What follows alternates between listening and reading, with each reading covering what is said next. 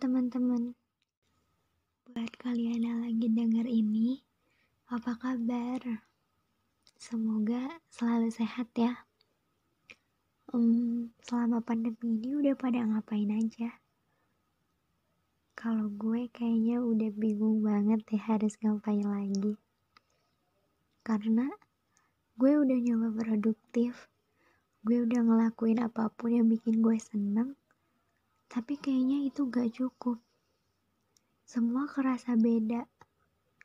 Semoga pandemi ini cepat berakhir ya. Biar kita bisa ngelakuin aktivitas kayak biasanya. Oh iya, di sini gue cuma mau berbagi pengalaman aja sih. Yang mungkin beberapa dari kalian bakal relate sama cerita gue juga. Di sini ada yang udah umur 19 tahun atau lagi jalan 19 tahun atau mungkin lagi proses tumbuh remaja atau dewasa. Kalau gitu sama. Tapi gue rasa udah hampir 19 tahun tumbuh, ngerakit satu persatu mimpi, ngejalanin proses sembuh dari patah hati yang hebat juga. Sejauh ini gue rasa udah cukup kuat Awalnya gue kira gue bisa sendirian. Tapi ketika gue jalanin, kayaknya kapasitas diri gue belum sampai ke situ deh. Sampai akhirnya seseorang itu datang. Yang gue pikir dia datang untuk membantu, tapi ternyata enggak. Dia hadir untuk mendampingi. Gue bersyukur banget waktu itu karena ibaratnya dia datang untuk nemenin gue mendaki, bukan nunggu gue di puncak.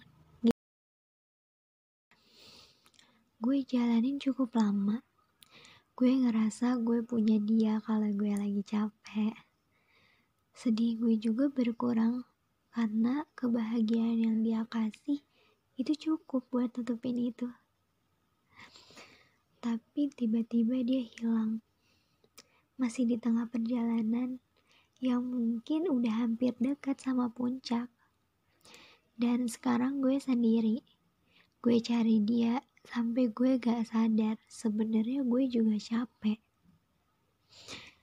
Tapi ketika gue mau nyerah, gue bersyukur karena akhirnya berhasil nemuin dia. Gue lihat dia kayaknya capek. Dan kali ini gue yang harus nguatin dia. Oke, kita jalan sama-sama lagi. Setelah sudah cukup tinggi, dia dorong gue ke jurang. Gue jatuh. Dia berhasil buat gue patah kembali. Itu hanya diibaratkan aja sih. Karena kayaknya gue gak sanggup deh buat ceritain kejadian aslinya. Tapi ketika gue udah jatuh, gue sadar sebelum gue dijatuhin kayak gini, gue yang lebih dulu pernah lakuin itu. Makanya ketika gue sampai di titik terendah lagi, gue lihat sekeliling gue kayaknya gue nggak tahu deh harus ngapain. Sampai akhirnya gue ngeliat, nah ada mereka. Mereka yang sebelumnya pernah gue tinggalin. Pernah gue jatuhin di titik ini juga.